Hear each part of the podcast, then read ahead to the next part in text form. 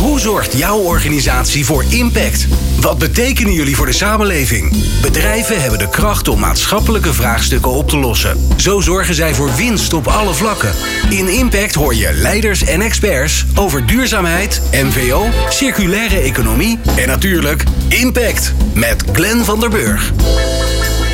Als je iets nodig hebt, dan koop je het meestal. Je bezit dan het product en na gebruik gooi je het weg. Het afval wordt gerecycled of helaas nog steeds vaak verbrand. In de circulaire economie blijft de producent in de meest optimale variant verantwoordelijk voor het product. Je betaalt dan niet meer voor het bezit, maar voor het gebruik. Denk maar aan de deelauto. Als je het product niet meer voldoende functioneert, ja, dan herstelt of upgrade of recycelt de producent het product. Waarbij er eigenlijk geen waarde meer verloren gaat. Bij de circulaire economie wordt dan ook wel gesproken over de 6 R'en. Rethink heb je het eigenlijk wel nodig. Dat is misschien wel het allerbelangrijkste. Reduce, minder grondstof gebruiken. Reuse, hergebruik van datgene wat, je, wat er gemaakt is. Repair, het verlengen van de levensduur door reparatie. En uh, recycle, ik was er nog niet. Verwerken en hergebruiken van grondstoffen. En recover. En dan zijn we uiteindelijk toch aanbeland bij het verbruiken van de restmateriaal om toch nog de energie eruit te halen. Nederland wil in 2050 een circulaire economie zijn. Met als gevolgen onder meer minder afhankelijk zijn van andere landen, zo'n 50% van de CO2-reductie die nodig is en miljarden euro's besparing. Hoe staat het ervoor met de transitie naar de circulaire economie? Wat gebeurt er nu allemaal al? En wat is er nodig voor de versnelling? Want ja, als je wel eens naar Impact luistert, is dat toch wel de rode draad. Het moet allemaal wel sneller. We hebben vier bijzonder leuke gasten. Eh, Lotte Holvast is de gast, programmamanager van het Platform for Accelerating the Circular Economy. Die spreek ik één keer uit, want hierna noemen we het gewoon PACE. Dat klinkt ook lekker snel. Erika Ording is de gast, Technology Lead Sustainable Packaging bij Friesland Campina. Martine Rosa, taakveldcoördinator Visie, Innovatie en Kennis voor de Circulaire Economie bij het ministerie van Infrastructuur en Waterstaat. En Jan-Peter Balkenende, die kennen we natuurlijk allemaal, maar in dit geval is hij hier in zijn hoedanigheid als voorzitter van de Dutch Sustainable Growth Coalition. Fijn dat je luistert. Ieder bedrijf wil duurzaam zijn. Maar hoe doe je dat? Luister naar Impact. Elke vrijdag tussen 2 en 3 uur op Nieuw Business Radio met Glenn van der Burg. Ja, fijn dat jullie er allemaal zijn. Lotte, Erika, Martine en Jan-Peter. Ik zal uh, ja, bij iedereen een beetje aan gaan vertellen wie er, aan de, wie er aan het woord is. Want anders is het voor de luisteraar, uh, is, is, uh, snappen ze niet meer wie er aan het praten is. De eerste is makkelijk, want dat is de enige man van het stel. Jan-Peter, ik begin bij jou. De Dutch Sustainable Growth Coalition. Misschien dat niet iedereen het kent. Ja. Wat is het? We zijn gestart in 2012. Een organisatie van acht internationaal opererende ondernemingen bekende namen, Axel Nobel, KLM, Heineken, Shell, DSM, Philips, Unilever, Friesland Campina. En wat was nu eigenlijk het doel van de CEO's in die tijd? Er werd gezegd van wij werken internationaal. We weten allemaal dat duurzaamheid enorm belangrijk wordt. Hoe kun je duurzaamheid integreren in je bedrijfsmodel? Wat kunnen we van elkaar leren? En het heeft echt geleid tot allerlei initiatieven. Elk jaar contact met het Nederlands kabinet, afspraken maken. We doen internationaal veel contact met ambassades bijvoorbeeld. We praten met andere ondernemingen. Allemaal met het oogmerk om te werken aan die versteviging van duurzaam bedrijfsmodellen. Leer van elkaar een boodschap vertellen. En um, dat betekent in het begin rapporten schrijven, conferenties organiseren. Maar ook praktische dingen. We hebben een project gehad over biofuels bijvoorbeeld. Samen met Maas, groot containervervoer. En in 2015 gebeurde iets belangrijks. We hebben gezegd, wij gaan eigenlijk al onze activiteiten richten op de Sustainable Development Goals. De SDG's. Ja. Dus de internationale taal eigenlijk voor duurzaamheid geworden. Hè? Exact. Een doelstelling van de Verenigde Naties. Maar die, die werken bindend. Je kunt ondernemingen, overheden, maatschappelijke organisaties, eh, universiteiten erop aanspreken. En in dat eh, framework van die SDG's hebben we gezegd zijn drie belangrijke blokken. Eén, thema klimaat. Twee, het thema circulaire economie. En drie, het thema sociale gelijkheid, ongelijkheid. Dat zijn de drie belangrijke blokken. Nou, we praten nu over de circulaire economie. En dan in 2015 hebben we het eerste rapport geschreven over de circulaire economie. Om te kijken, wat is het? Wat betekent het? We hebben gesproken met Ellen MacArthur, een van de voortrekkers in ja. de wereld op dit uh, terrein. Ja, die heeft echt met, ik weet nog dat dat onderzoek van haar uit, uitkwam, van haar foundation. Samen met McKinsey, zeg ik even uit mijn hoofd. Uh, waarbij berekend werd dat er zoveel miljarden aan ja. uh, kosten te besparen werden. Nou, ja, dat heeft echt wel veel in beweging. Ja, ze heeft enorm uh, erop gehamerd van dit heeft e gigantische voordelen als je het gaat doen. Enorme mogelijkheden en het is ook nodig. Dus we hebben een gesprek met haar toen gehad. Dat heeft geleid ook onder andere tot dat rapport 2015. In 2020 hebben we een volgend stuk geschreven. Dat ging over transition time. Dat ging over de, de plastics en de circulaire economie. Dat hebben we aangeboden aan Frans Timmermans. Want als je nu praat over de circulaire economie. Dan zijn er allerlei belemmeringen organisatorisch, financieel, uh, juridisch. En we hebben vooral gekeken naar wat zie je op het gebied van wetgeving. En wat zou op een gegeven moment anders moeten. Nou, aanbevelingen gedaan. Dat heeft ook denk ik best effect gehad in de uh, voorstellen die we nu zien. En uh, zoals ik zei, elk jaar hebben we een overleg met het kabinet. En vorig jaar, een, een, de minister-president en, en, en, een hele hoop ministers. Toen hebben we gezegd van laten we een aantal deep dives uh, nu in het leven roepen. Laten we op een aantal thema's elkaar opzoeken om dieper na te denken over onderwerpen. En een van die onderwerpen was de circulaire economie. We hebben laatst een gesprek gehad en uh, ondernemer van DSGC en mensen van verschillende ministeries, en PACE en Planbureau voor Leefomgeving. Om gezamenlijk te reflecteren op de vraag hoe kun je denken over circulaire productie en consumptie versterken. Dus ja, dat zijn dingen die we allemaal doen als DSGC. Niet te geloven zeg.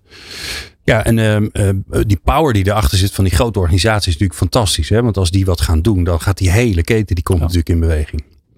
Um, Lotte, Lotte Hofvast van Pees, we hoorden je al even langskomen. Um, ja, die circulaire economie.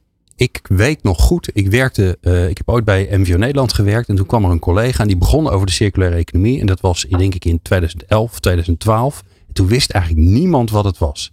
Nou, we zijn ondertussen ruim tien jaar verder. Hoe staan we ervoor? Uh, ja, goede vraag. Uh, inmiddels weten we eh, best wel goed dat het eigenlijk niet helemaal de goede kant op gaat. Er wordt, oh jee. Er wordt jaarlijks gemeten hoeveel grondstoffen we gebruiken en hoeveel grondstoffen we daarvan eigenlijk recyclen. Het wordt heel mooi uitgebracht in um, een Circularity Gap indicator. Die wordt gecreëerd door Circle Economy, een organisatie in Nederland. En die meet, die laat ons eigenlijk zien hoeveel van de grondstoffen die we jaarlijks gebruiken, hoeveel we daarvan hergebruiken en weer terug aan het systeem in. En we zien eigenlijk dat het, uh, dat het percentage achteruit gaat. Dus in, oh, hè? Uh, ja, het gaat achteruit. Ja. Hoe kan in 2018 dat? was dat, was dat heel laag aantal ook, 9% ongeveer. In 2020 was het 8% en afgelopen jaar was dat 7%. Wat betekent dat? Dat betekent niet per se dat we minder grondstoffen hergebruiken of dat we minder goed recyclen, minder veel recyclen. Het betekent vooral dat we steeds meer grondstoffen nodig hebben om aan onze behoeftes te voorzien. Oké. Okay. Dus wij gebruiken nu jaarlijks 800 miljard ton aan grondstoffen. Dat is een getal, ja, daar, daar kan ja, niemand zich echt iets bij voorstellen. maar met de uh, verwachte bevolkingsgroei is ook de prognose dat dat aantal verdubbelt in 2050. En dat heeft heel veel impact op vervuiling, bodemgebruik, uh, bebossing, landgebruik. Uh, dus dat circulariteit gaat over veel meer dan hergebruik van grondstoffen. Eigenlijk moet je al vooraf bedenken wat je ook al zei. Ga ik het überhaupt gebruiken? Ja. Het, we moeten het verminderen. En als we het gebruiken, moeten we het heel goed gebruiken en eigenlijk heel lang gebruiken. Ja, dus eigenlijk de inspanning, hè, ik zeg maar even van wij, maar wij representeren met, met wat we hier in de studio hebben, even iedereen die zich met dit onderwerp bezighouden. Wij gaan minder snel dan, het, uh, dan de groei van het, van het grondstofgebruik. We houden het niet bij, nee. Klopt. Is... Nou, dat is een leuk, uh, leuk, leuk begin van deze aflevering. Ja, ja, we hebben dus nogal behoorlijk wat te doen. Ja. Als je nou kijkt, hè, want als, dat is natuurlijk percentueel. Als je kijkt naar, um, uh, naar absolute getallen. dan zijn we natuurlijk wel aan het groeien naar wat er allemaal gebeurt. Hè? Want nou ja, ook hier in de, in de uitzending hebben we al allerlei mooie bedrijven gehad die elke keer hun naam veranderen. Maar uh, uh, dus alle afvalverwerkers en zo, die zijn zo druk bezig. We hebben retourmatras gehad. Er gebeuren allemaal hele mhm. spannende dingen. Mhm. Kan je daar wat over zeggen? Dus hoe, hoe hard groeit de circulaire, de circulaire economie? Nou, ik kan. het groeit dus niet zo hard mee met ja, de, de traditionele economische groei die we kennen. Het is gewoon knap lastig om in een systeem dat de afgelopen decennia zo erg geoptimaliseerd is op een lineair systeem en met lineaire ketens, om daarin een circulair businessmodel of een circulaire keten op te zetten. Um, ja, dat is niet fijn om te horen, maar er zijn allerlei hele praktische barrières. Wet en regelgeving is heel erg geoptimaliseerd op een economie die we de afgelopen jaren hebben gehad. Ja. Ook, we zijn het ook gewend als mensen, toch? We zijn het zeker. Ja. Gedrag. Uh, koop maar eens niet elke twee jaar een nieuwe telefoon. Of wil je, wil je nog een auto hebben of wil je betalen voor, uh, voor een, een rit met de auto? Dat is een luxe die we heel erg gewend zijn en die uh, een gedeelte van de wereld nog niet gewend is, maar eigenlijk ook heel graag wil ervaren. Dus het vergt uh, gedragsverandering, het vergt investeringsrisico, het vergt heel veel kennis en innovatie. En ja, dat zijn dan ja, barrières of bottlenecks waar we met z'n allen heel hard aan moeten werken. En moeten demonstreren dat circulariteit op de lange termijn zeker beter werkt. Ja. Voor mens, planeet, de aarde. Ja. Ja, want als je snapt hoe het systeem in elkaar zit, hè, als je snapt hoe de circulaire economie in elkaar zit, dan is het eigenlijk zo logisch. Want het werkt zoals de natuur. De natuur wordt natuurlijk ook niets weggegooid. Het is natuurlijk heel onlogisch dat je van de 800 miljard ton materialen die je gebruikt, meer dan ongeveer 750 miljard ton op een vuilnisbelt neerlegt of, of verbrandt, terwijl het uitputtelijk is. Dus we hebben niet onuitputtelijk ja. Ja, ik had dat zelfs met fossiele energie toen ik zeg maar uh, intern snapte wat het echt was. Dacht ik van ja, ik ben gewoon de hele tijd uh, dinosaurus poep aan het verbranden. Terwijl eigenlijk hoort dat in het museum.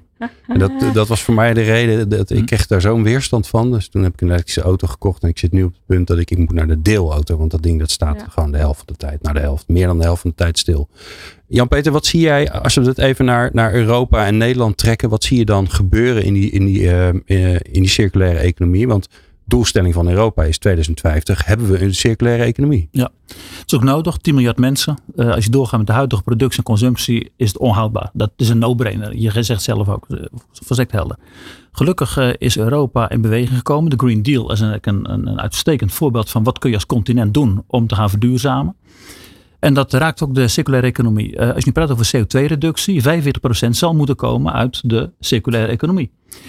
Dus een dat vergeten we nog wel eens. Hè? Want we denken, oh, CO2, dat is, dat is energie. Nee, dat is dus de, voor de helft is het energie en de andere helft is het hoe onze economie in elkaar zit. Exact. En je, je gaf het zelf ook aan. Het is een soort uh, mindset die je moet hebben om juist anders te gaan doen. Afstand nemen van wat traditioneel gangbaar was. Wijs op de onvermijdelijkheid van verandering, maar ook in de economische kansen. Het is mij nu opgevallen. Ik ben nu vorig jaar drie keer gevraagd om mee te doen met een online seminar in Japan kon toen niet gereisd worden. En het ging over de circulaire economie. En hoe komt dat nou? Ze vindt dat Nederland opvalt omdat er best veel dingen gebeuren. Er moet hm. veel meer gedaan worden, maar we vallen wel op. Uh, je ziet ook dat een krachtenbundeling gaat ontstaan. Uh, Nederland, ik ben ook voorzitter van de uh, Raad van Advies van de Stichting Open. Dat is e-waste uit de elektronica sector. Ook wat kun je dan doen op het gebied van circulair denken? Kijk, en wat je nu krijgt, dat is dat wat in Europa gebeurt. Het nadenken over de toekomst van Europa, de Green Deal. Maar ook wat is de economische kracht van Europa, dat is hiermee verbonden. En voor mij staat eigenlijk vast dat die ondernemingen en die economie en die landen die kiezen voor circulair, dat worden de winnaars ook van morgen. Niet voor niks als ze in Japan vragen, hey, hoe zit dat eigenlijk hier? Dat heeft ook te maken met economische noodzaken. Ja. En het enige punt zal zijn van, hoe is nu de verhouding tussen Europees beleid en nationaal beleid? En het is niet alleen een kwestie van wat overheden zeggen, ook wat doen ondernemingen. Wat doen kenniscentra's, universiteiten, wat doen NGO's? Dus we hebben met elkaar de verantwoordelijkheid om die zaken scherper te krijgen. En dat kan ook, maar je moet ook willen. Ik kan ook een voorbeeld noemen. Een bedrijf als Philips. In afgesplitste onderdelen Signify, dat heeft de lichtdivisie. Ja, van de lampjes. Vroeger verkocht je uh, gloeilampen die ook niet te lang moesten functioneren. Nu verkoop je licht als dienst. Dat is een totaal andere benadering. En die methode van, die je ziet in de sfeer van licht, zie je nu ook bij medische apparatuur. Ook daar wordt nu gekozen de methodiek dat ook het apparatuur wordt teruggeleverd aan, uh, aan Philips, zodat het materiaal kan worden hergebruikt, anders worden gebruikt.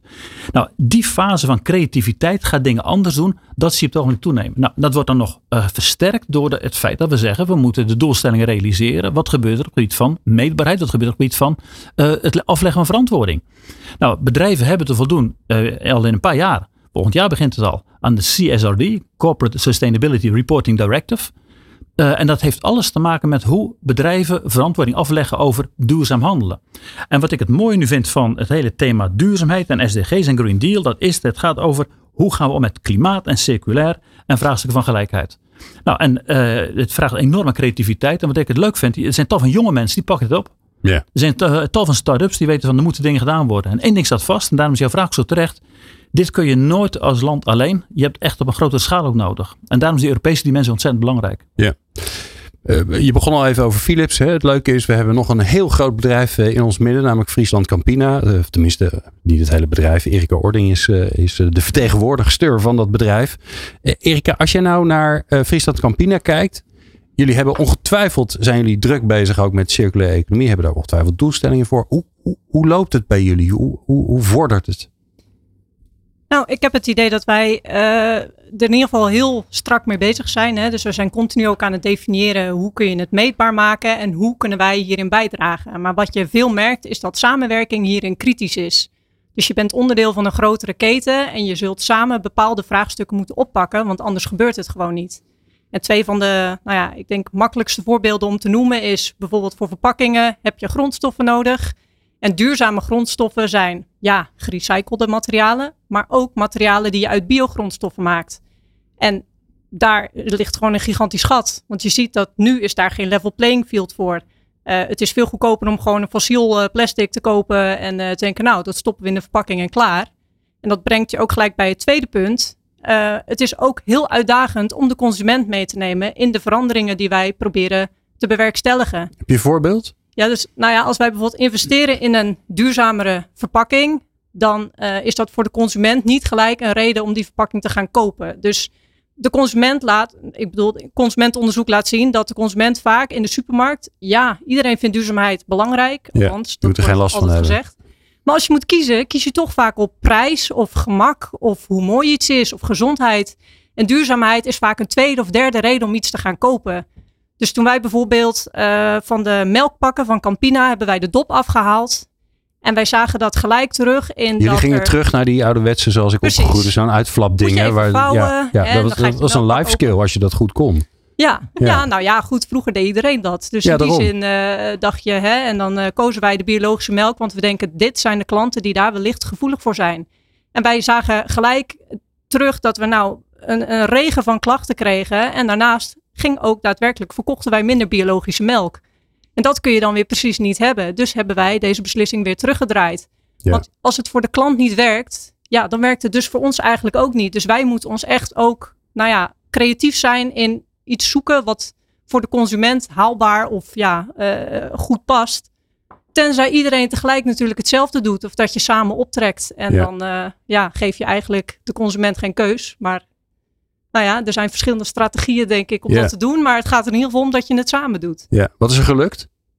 Want de, nou, de plastic dop bij de biologische melk is dus weer teruggedraaid. Wat is er, wat, waar nou, ben je trots op? Nou ja, wij, wij werken heel hard aan uh, heel veel van onze verpakkingen, in ieder geval ontwerpen voor recycling. En uh, wat ik heel leuk vind is bijvoorbeeld een uh, project dat wij doen samen met andere partijen binnen het Plastic Park Nederland. Dus ik weet niet, dat is een groep bedrijven en organisaties die nou ja, samen hebben besloten wij gaan werken aan allerlei manieren om plastic duurzamer zeg maar, en te verminderen en de samenleving in te brengen. Um, en daarin hebben wij samen met uh, recyclers en sorteerders en verpakkingsproducenten uh, um, gekeken van... hey, wij zien nu dat gerecycled plastic uit de afvalbak is nu niet op voedselniveau. Uh, en als dat wel zo is, dan is het vaak gekleurd of van minder hoge kwaliteit. Kunnen wij dat verbeteren? Dus hebben we samen onderzoek gedaan. En dan zie je van, goh, dat heeft ook te maken met hoe het ontwikkeld is. En dat we dachten dat dit wel werkte, maar eigenlijk niet werkte. Aangepast. En dat gaat daarna ook door weer naar het afvalfonds. Er worden weer uh, uh, adviezen gedaan over sorteerspecificaties. Wij passen onze trace aan. En dat zetten we dan ook weer door naar onze klanten en de mensen met wie wij werken. Dus dan heb je een beetje een ripple effect waarin je echt samen dat verbetert. En hopelijk, als veel mensen wijzigen, dan zien we straks ook gewoon een mooie plastic stroom terug. Ja, samen, samen, samen hè, hoor ik overal terugkomen. Ehm, ik ga even naar uh, onze volgende gast, uh, Martine Rozen van het ministerie van Infrastructuur en Waterstaat. Dan denk ik daar gelijk aan circulaire wegen. Daar zijn, ik heb al zoveel gave dingen langs zien komen. Ik ga ze niet allemaal noemen, want jij kent ze natuurlijk veel beter. Wat, wat, wat, wat zie jij al gebeuren met die ongelofelijke doelstellingen die er liggen, die zo uitdagend zijn? Waar staan we? Ja, er gebeurt uh, best wel heel veel. Uh, ondanks inderdaad het terechte signaal van, uh, van Lotte van Pees dat we nog niet hard genoeg gaan om die transitie te realiseren. Ehm, nou, om concreet dicht bij ons eigen huis te blijven, hebben we inderdaad een heel mooi programma rondom klimaatneutrale en circulaire infrastructuur. Ook echt met de ambitie om dat in 2030 gerealiseerd te hebben. Dus daar wordt echt wel heel hard aan gewerkt om daar stappen op te maken. Uh, maar misschien willen dus al twintig jaar eerder klaar zijn.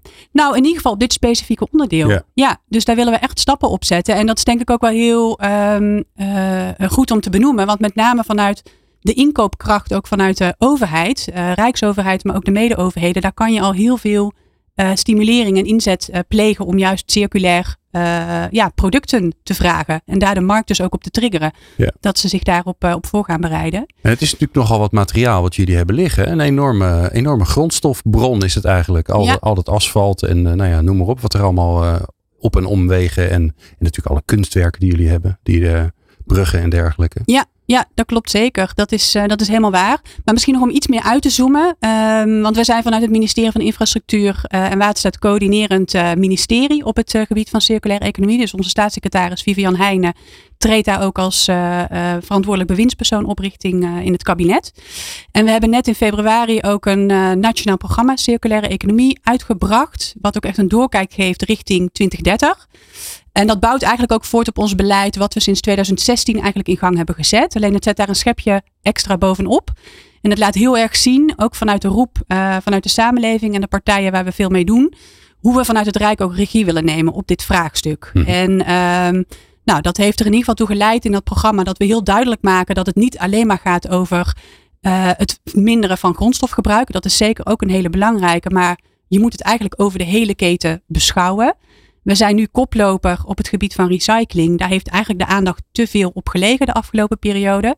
En we willen nu veel meer met dit programma ook uh, de focus leggen op juist die voorkant van de productieketen. Dus veel meer nadenken inderdaad, moet je wel iets produceren? Als je iets produceert, doe dat dan op een circulaire wijze.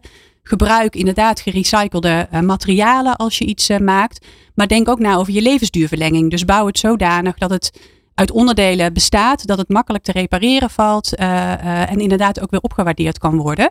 Dus zo zetten we eigenlijk langs vier uh, lijnen ons beleid ook, ook neer. En is het een programma wat ook echt rijksbreed, kabinetbreed geldt.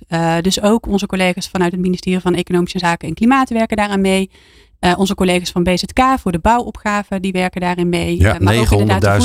We gaan, we gaan dus ook 900.000 circulaire woningen bouwen dan. Hopelijk. Nou, daar maken wij ons wel hard voor. Ja. Uh, want dat is een terecht punt. En dat maakt het ook best wel heel erg lastig. Want je ziet een aantal grote opgaven waar we ook als Nederland voor aan de lat staan. Zoals inderdaad de woningnood.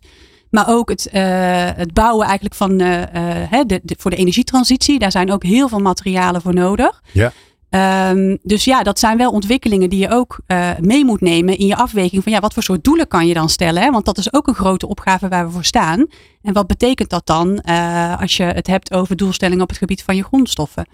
Nou, dat is precies waar we het zo over gaan hebben. Namelijk, uh, we hebben vastgesteld, er gebeurt een hoop, maar het is allemaal nog niet genoeg. We moeten harder, we moeten harder. Wat is daarvoor nodig? En dat hoor je zo. Wat is jouw impact? Met Glenn van der Burg. Lotte Hofwas van Pees. Erika, goh, ik zit een beetje nog in het Engels dan gelijk. Erika Ording van Friesland Campina. Martine Rosa van het ministerie van Infrastructuur en Waterstaat. En Jan-Peter Balkenende van de Dutch Sustainable Growth Coalition in de studio. We hebben het over de circulaire economie. En het is tijd om te gaan versnellen. Jan-Peter, jij hebt een mooi overzicht. Wat is er nodig? Nou, wat, wat nodig is, dat is een, echt een verandering van mindset. Dat uh, circulaire economie niet iets extra's is.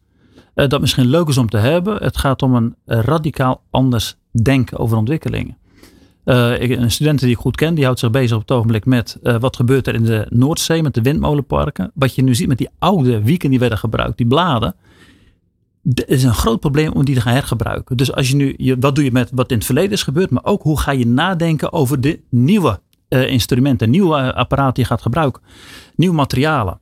Dus dat betekent, je hebt een radicaal andere visie daarin nodig. Nou, dat betekent dat het veel fundamenteler moet zijn. En dat raakt ook de vraag van wat zijn de doelen die je uh, wilt gaan stellen. Die hebben natuurlijk in het algemeen wel geformuleerd dat in 2030 en dat in 2050. Dan krijg je natuurlijk de vraag van zijn die doelen ambitieus en zijn ze realistisch? Nou, dan heb je weer contact nodig tussen de overheid en het en, uh, bedrijfsleven, maatschappelijke organisaties. Dat is evident.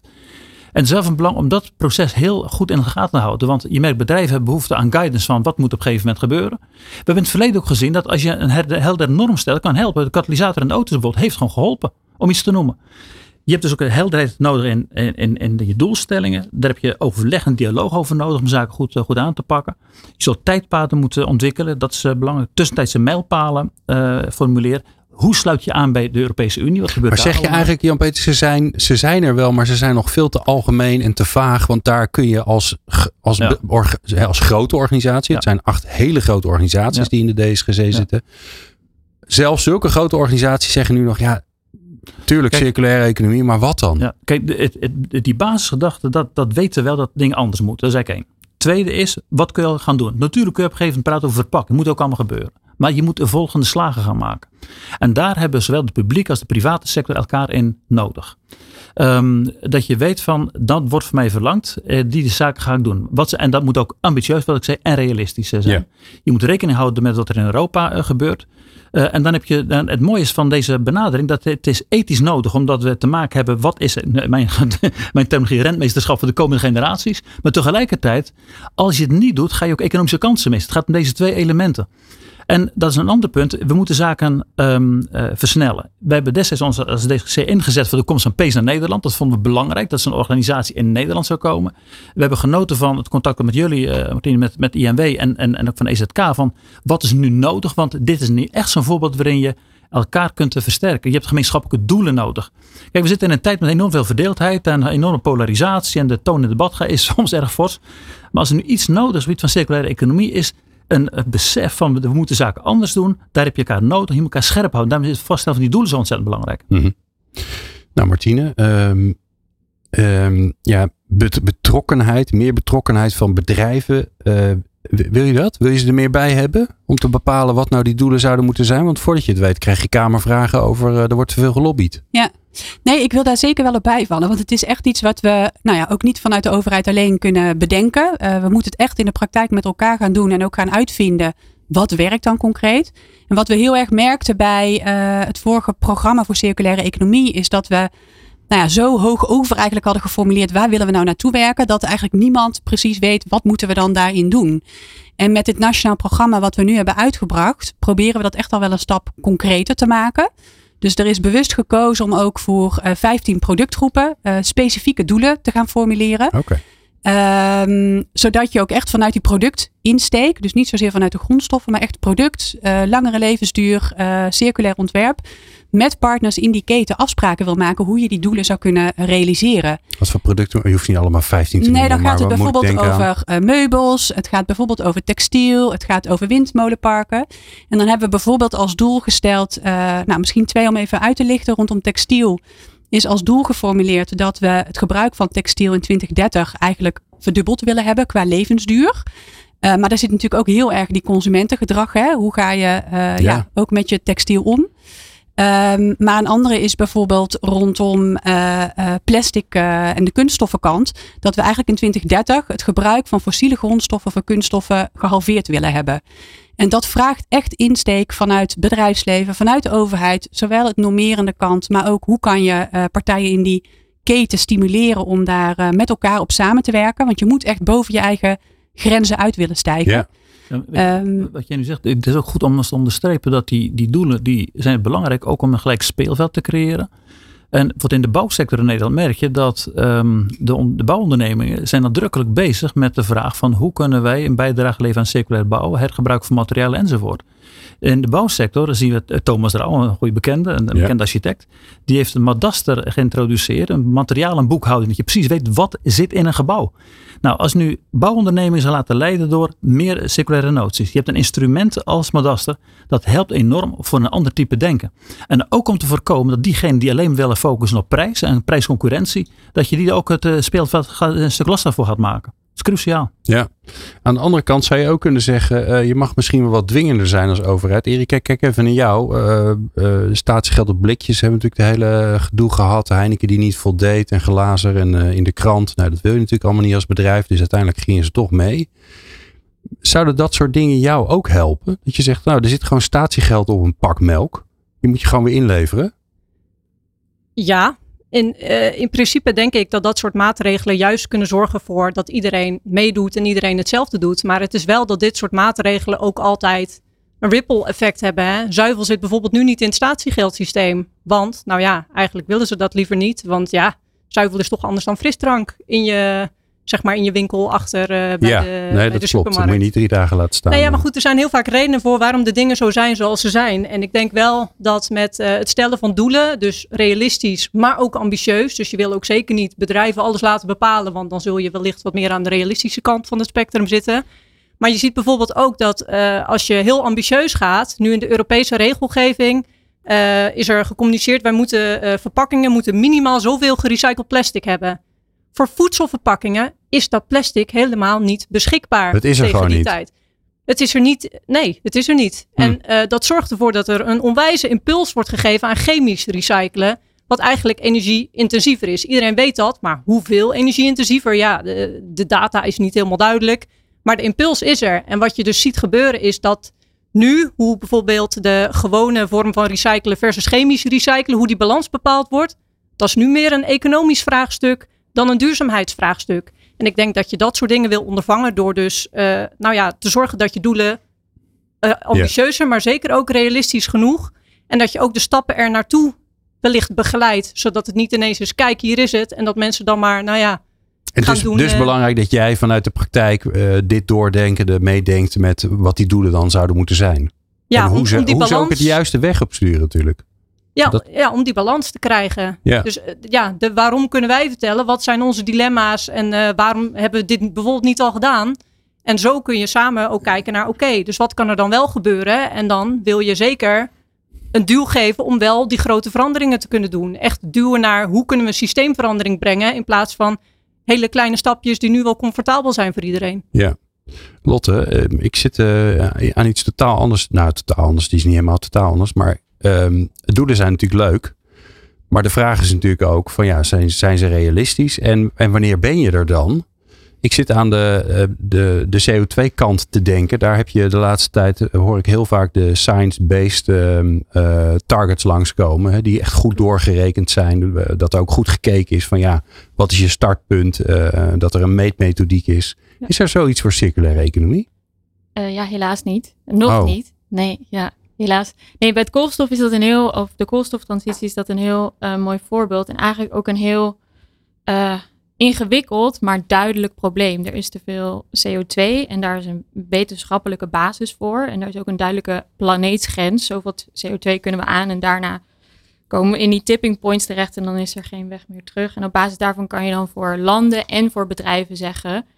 eh, wat is jullie plan om jullie CO2 te verminderen en is dat in lijn met de wetenschap? En dan kan het geverifieerd worden. Voor circulariteit gaat het om systeemverandering en moet je dus meerdere aspecten meten. Dat is niet eenduidig te meten zoals CO2. Dus Je kunt niet gewoon aan het begin van elk bedrijf gaan staan en gewoon eh, denken: nee, dit is een vrachtwagen met, eh, met eh, her- hernieuwbare materialen. Nee, jongens, dit is, dit is virgin materiaal. Deze komt op het andere lijstje. Dat is, dat is, zo simpel is het niet. het is, het is iets ingewak- ingewikkelder bij circulariteit, ook omdat circulariteit niet het doel op zich is. Dus het maakt mij niet uit of, of Friesland Campina een circulair bedrijf wordt. Ik wil graag dat er minder vervuiling is en dat er minder CO2 wordt uitgestoten en dat er minder ontbossing eh, plaatsvindt. En die kwantitatieve relatie tussen circulariteit en die Sustainable Development Goals die we met z'n allen hebben, die is nog best wel lastig te begrijpen.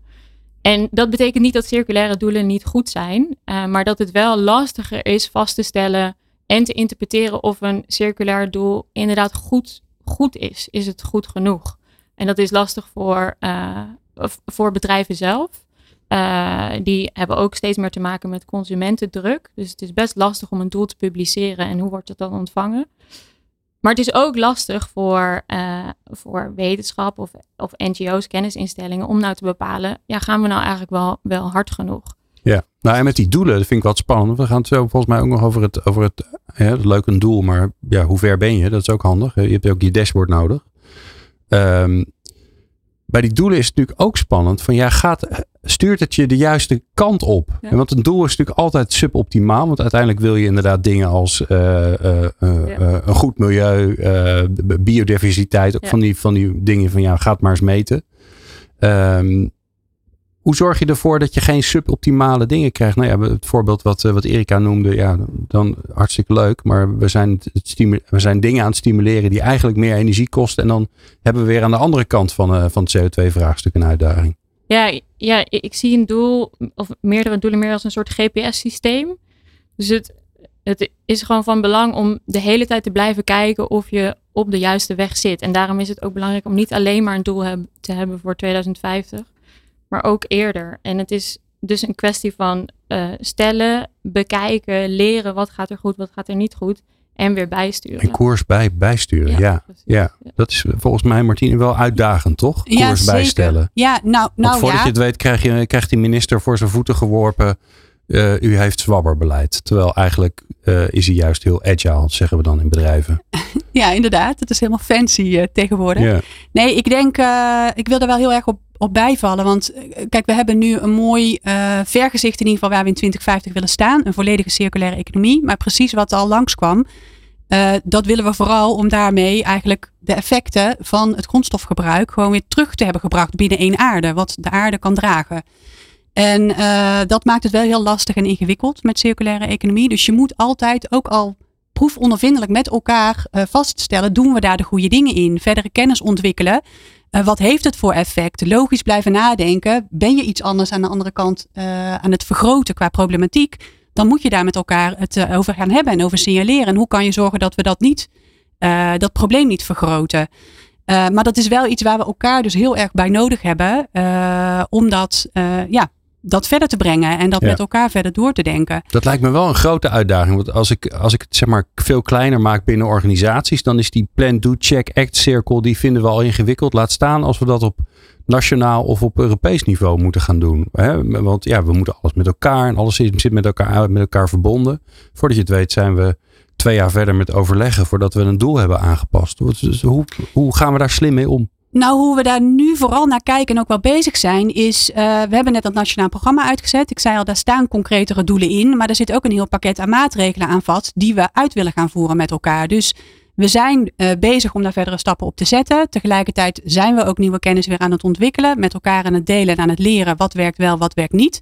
En dat ga je in een cyclus uh, uh, ja, weer terug sluizen en kijken om weer bij te stellen. Neem je eigenlijk op in je programma. Precies. Dat je dat al aan het doen bent. Precies. Dus het is onderdeel van het programma. Het is in plaats onderdeel van, van, het programma. Het is echt een lerend programma. En kijk, nogmaals, het is wel echt een systeemverandering. Ik wil daar ook wel heel erg op, op bijvallen. Het is niet iets wat je zomaar daarnaast doet. Dus we moeten heel erg juist de principes uh, waar onze economie op gebaseerd is, ja, die moeten gewoon circulair gaan worden. Ja.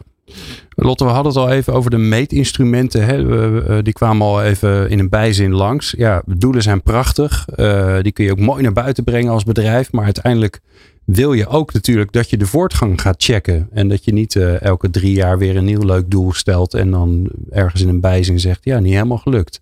Ja. Um, meetsystemen op het gebied van circulaire economie. Nou, als de doelen ingewikkeld zijn, dan zijn de meetsystemen ook ingewikkeld. Dat kan niet anders.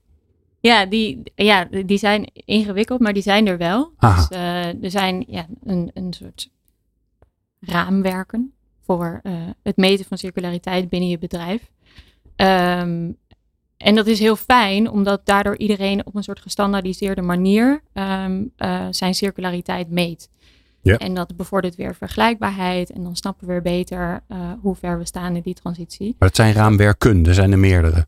Er, is, er zijn er meerdere, maar ze, uh, ze spreken wel dezelfde taal. Oh, gelukkig. Ja. Gelukkig. Ja. ja. En zo is dat ook. Uh, en die kun je al, je kunt al naar je accountant gaan en zeggen: Goh, reken mij eens door. ja, zeker. Ja, okay. zeker. En dat is dus wat Jan-Peter ook al noemde met de CSRD, de Corporate Sustainability Reporting Directive, dat er aankomt, betekent dat ook dat in 2024 uh, 50.000 bedrijven in Europa moeten gaan rapporteren over hun materiaalgebruik en over hun circulaire economie. Aha. Dus dat is, het staat in de, in de kinderschoenen, maar dat uh, moet heel snel verbeterd worden. Er zijn ook heel veel bedrijven nu mee bezig.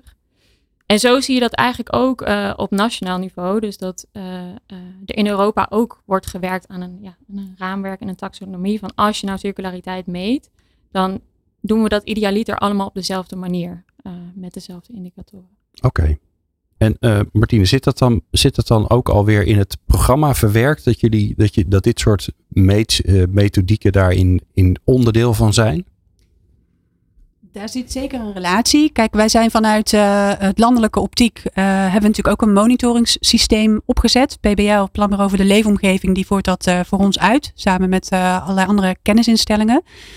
En daarin proberen we echt in een tweejaarlijkse cyclus ook zicht te krijgen op hoe gaat dat nou qua voortgang rondom circulaire economie. Uh, maar zeker die ontwikkeling die wordt geschetst vanuit Europa en uh, de verplichting die bedrijven krijgen om ook over circulariteit te rapporteren in hun financiële jaarverslagen, die gaat daar natuurlijk zeker ook uh, op, ja, op aangesloten worden.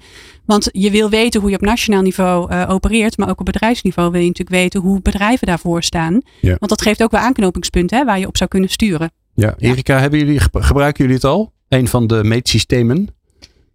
Nou ja, er zijn uh, denk ik uh, in mijn mening nog steeds best wel veel verschillende meetsystemen beschikbaar. Ja, helaas hoor ik je zeggen. nou, ja, nou ja, ook als je al kijkt naar hoe je CO2 kan uitrekenen, dan heb je al bergen met aannames en nou ja, dingen die je wel of niet voor kan kiezen.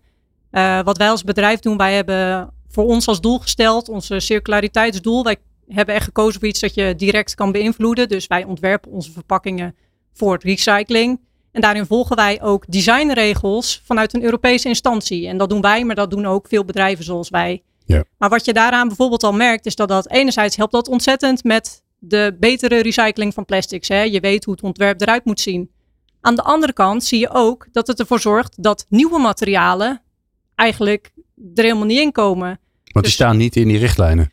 Nou ja, eh, de richtlijnen zijn gebaseerd op wat er nu mogelijk is in de huidige technologie. Hmm. En als je dan kijkt naar een nieuw bioplastic, zoals bijvoorbeeld uh, eh, PLA, nou ja, dat is dan niet nieuw, maar dat bestaat, uh, een bioplastic. Nou, dat staat nu in die regelgeving, of in die regels als een verstoorder van de PET-recycling. Dus ja, terwijl het goed uit te sorteren is, je kunt het gewoon recyclen. Maar ja, het zit niet in de regels, dus het kan je, je kan het niet positief meerekenen aan je doelen. Uh, dus ja, ga je er niet meer van maken. En de afvalverwerker denkt niet, nou, ik ga het, meer, uh, ik ga het nu wel uitsorteren. Want de stroom is zo klein dat er geen geld aan te verdienen valt. Ja, klinkt dus als een, uh, een, een kip-ei Precies. Verhaal. Je komt dan in een kip-ei situatie terecht. Dus enerzijds meetmethodes vaststellen, ja, heel goed. Maar je moet wel ook de mogelijkheid of de flexibiliteit inbouwen dat nieuwe innovaties of materialen wel de ruimte krijgen om te kunnen groeien. Want op deze manier ja, hou je dat dus eigenlijk tegen. Ja, eh, en nou mag jij het bepalen. Je krijgt van mij een toverstafje. Regel het maar. Wat, wat, wat zou je veranderen waardoor het ineens wel gaat werken? Uh, ik zou bepaalde. Um, ja, dat is wel lastig wat je nu vraagt. Ja, nou ja. Nou ja, ik, ik zou wel in ieder geval de ruimte laten voor nieuwe materialen. En dat je dan misschien ook uh, kunt zorgen dat iets ge, gefund een tijd wel uitgesorteerd wordt als je ziet dat daar uh, ja. mogelijkheden liggen. Zodat de afvalverwerker daar niet voor hoeft te betalen. Maar dat dat Weet je, wordt gezien en wat, houdt je, wat houdt jou tegen om niet te zeggen, nou joh, we gaan een pilot doen, we pakken even een nieuw product of een uh, iets, huppakee, en uh, we gaan kijken of het werkt?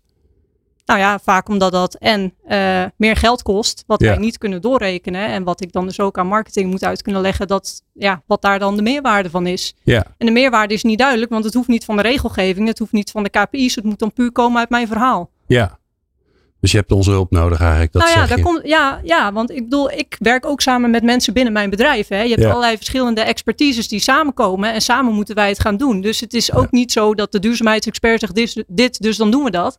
Zo werkt het helaas ook niet. Nee. Nou ja, aan de andere kant, dan was je werk ook minder leuk geweest, toch? Als iedereen gelijk naar je zou nou luisteren. Ja, en er is een goede reden voor. Hè. Ik zal ook niet, zeker niet zeggen dat ik alle wijsheid heb eh, Ja. om eh, dat soort beslissingen te kunnen maken. Maar ja, je ziet dan ook heel duidelijk van, goh, eh, ja, hoe kun je dat dan ook commercieel en voor de consument behapbaar maken? En dat is best uitdagend. Ja, Eh, Jan Peter, dit is natuurlijk een interessant dilemma. Hè? Want ehm, eh, innovatiekracht van bedrijven ehm, kan gewoon enorm gestimuleerd worden. Ik hoor de laatste tijd heel veel bij bedrijven dat er heel veel in beweging is door Europese eh, wet en regelgeving. Hè? Dat is natuurlijk fantastisch.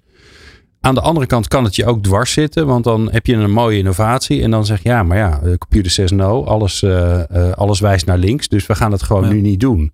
Hoe kunnen die toch meer hand in hand gaan? Weet je, het, is, het is belangrijk om eh, enorm eerlijk te zijn en scherp in deze hele discussie.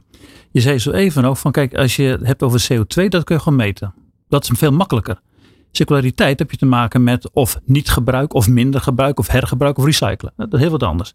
Soms zie je, wordt in regelgeving zie je in Europa, er wordt gesproken over een terugnameverplichting in een paar jaar. Maar als je langer wil doen met spullen, dan past die regelgeving niet. Dus die eerlijkheid heb je nodig. Het begint al mee. Pra- Praat erover. Ja. Tweede punt. ehm, Dat is wel een hele mooie die jij zegt. Hè? Dat heb ik bijvoorbeeld met leaseauto's, vind ik dat zo fantastisch. Dan mag je na vijf jaar mag je gewoon niet doorrijden. Zeggen mensen, maar mijn auto is nog goed. Ik ben heel tevreden daarover. Nee, ja, sorry. We mogen niet langer dan vijf jaar leasen. nou, is een- Ja, is bizar, toch? Nou, een tweede punt. ehm, ik, ik had het eh, genoegen om toen nog premier was eh, te spreken met eh, Joseph Stiglitz, Nobelprijswinnaar. En hij zei toen al, in 2010, wij meten het nationaal inkomen niet goed, het BNP. Wij houden te weinig rekening met bijvoorbeeld kosten van milieu. Een ander onderwerp. We zijn een stuk verder en we zitten nog steeds met die oude definities. Ehm, heel veel bedrijven zijn bezig met na te denken over verduurzaming. Maar is toch vaak zie dat bedrijven worden beoordeeld op winstgevendheid, kostenbesparing, omzet. Nou, dus in de meetmethodiek zullen we ook slagen moeten maken om te zorgen dat de zaak geloofwaardig is. Ja. En dat kan heel veel, maar dat betekent wel dat de, uh, het roer om zal moeten. En, met een, en dat we scherper moeten zijn van, precies wat je zegt, wat zijn de doelen? Uh, om welke acties hebben we het? En hoe vergroot je de meetbaarheid? Ik ben een groot voorstander van de Sustainable Development Goals. Maar de vraag is op een gegeven moment niet van heb je die doelen? De vraag is, are we on track? Zitten we op schema? En we zitten niet op schema. En dan is het altijd zo dat acties en meetbaarheid die helpen om een zaak scherp te krijgen. En dat is feitelijk wat we natuurlijk lange tijd ook in het bedrijfsleven hebben gezien. Uh, je merkt de wereld van accountancy, dat gaat nu steeds meer richting integrated reporting. Een bedrijf moet ook rapporteren over de maatschappelijke prestaties. En dat is ook terecht. Dus we zitten in een fase van verandering. Dus ik denk wel we de goede kant uit gaan. Alleen het moet scherper en het zal sneller moeten. Ja. We zitten alweer bijna aan het einde. Um, wat heb je gehoord? Wat ik uh, heb gehoord hier is een uh, besef met uh, de andere gespreksdeelnemers dat de urgentie volstrekt evident is. Wij kunnen niet doorgaan met lineair denken, lineair handelen, zeg ik het eerst. Het tweede is, wat ik ook merk in dit gesprek, van we zullen de zaken ook moeten versnellen. Want je kunt wel goede intenties hebben, moet ook geloofwaardig zijn. Dus je moet acties hebben en je moet zaken in een stroomversnelling brengen. Hoe kun je dat doen? Dat komt ook naar voren. Je hebt doelen nodig, je hebt wetgeving nodig, je hebt regulering nodig. En je hebt samenwerking nodig. Dat kwam naar voren. Je kunt het niet alleen. Je kunt irreële doelstellingen vaststellen, heb je ook niks aan. En je kunt ook te slappe doelstellingen hebben. Dus je hebt, daarom heb je de dialoog sowieso nodig. En er zit iets bij van dat uh, je hebt het hele ecosysteem nodig. Dat kwam eigenlijk ook wel naar voren. Want wij kunnen het hebben over de notie van circulariteit. En we hebben het gehad over wat is de rol van de overheid? Wat is de rol van Europa? Wat is de rol van bedrijven? Eh, evengoed, wat is de rol van kenniscentra, scholen, universiteiten, hbo-instellingen enzovoort. Je hebt ze allemaal maatschappelijke organisaties. Kortom, uh, het hele ecosysteem zal meer richting circulair gaan moeten. Nou, dat kun je, en dan vind ik het woord moeten nooit fijn. Want moeten is iets van het komt over me terwijl er enorme uitdagingen zitten. Het is eigenlijk veel meer mogen. Je kunt het doen. Je kunt zaken op een hmm. andere manier uh, aanpakken. En wat nu de uitdaging is om uh, die verandering op een manier te doen die mensen aan zal spreken. Die overtuigend is. En gelukkig merk je steeds meer dat dat besef van we kunnen dit op een andere manier aanpakken, dat is aanwezig. Alleen dat gaat niet vanzelf, dan moet je keihard verwerken. Nou, dat vind ik het leuke van een deep dive. Dat vind ik het leuke van dit soort uh, gesprekken. Dat je merkt van we kunnen zaken uh, veranderen. En ik ben ook van overtuigd, als wij dat niet goed doen, zullen anderen ons gaan inhalen. Dat is ook de economische noodzaak. Ja, kijk. En dat vind ik zelf altijd wel een mooie. Hè? Um, in de duurzaamheidswereld kijken we altijd vooruit. En zijn we altijd um, bezorgd. En terecht, denk ik. Maar als je ze nu en dan ook eens achteruit kijkt, waar we vandaan komen. Ik weet zelf nog dat ik in tien jaar geleden, denk ik, 2013. God, dat is alweer tien jaar geleden. toen gaf ik workshops voor de Rabobank uh, in den landen bij allerlei MKB'ers. En daar werd er nog naar mijn schoenen gekeken of ik uh, uh, geitwolle sokken en sandalen aan had. Nou, dat is totaal veranderd natuurlijk. Hè. Nu is het, hard, het, is, het is hip, het staat in de krant. Ja. Dus we hebben wel heel veel bereikt. En tegelijkertijd is er nog veel werk te verzetten. Nou, vandaar dat wij in ieder geval doorgaan met dit soort uh, uitzendingen waar we altijd te weinig tijd hebben, omdat die onderwerpen altijd zo groot en belangrijk en interessant zijn. Maar het bijzonder veel dank voor jullie bijdrage, Lotte Holvast van Pace. Meer informatie kun je natuurlijk vinden, Lotte, op uh. Nou, kijk, heel goed. Uh, Erike Ording, Friesland Campina. Uh, ik zou zeggen, ga naar de supermarkt. Dan weet je, daar vind je altijd alles wat ze maken, zo'n beetje. Uh, Martine Rosa, ministerie van Infrastructuur en Waterstaat. En natuurlijk, dankjewel Jan-Peter Boken van de Dutch Sustainable Growth Coalition. Als je dat intikt met iets erachter, is het www.dsgc.nl. En vind je alles. Zo, vier, vier letters maar onthouden. Nou, dat moet te doen zijn. En mag ik er misschien ook nog eentje ingooien ja, dan? natuurlijk. We zijn toch lekker uh, bezig. Ook vanuit het Nationaal Programma Nederland Circulair in 2050 ook een aanrader. Nederland circulair in 2050. Nou, ik, uh, ik, hoop dat iemand mee heeft zitten schrijven. We zetten ze allemaal in de show notes, want ik kan ze in ieder geval niet onthouden. Dat ligt ongetwijfeld aan mij. Dank jullie wel allemaal. En jij natuurlijk, dank je wel voor het luisteren naar deze aflevering. Veel meer te vinden op onze website. Meer afleveringen van Impact vind je op impact.radio. Of via podcastkanalen als Spotify, Duke of Apple Podcast.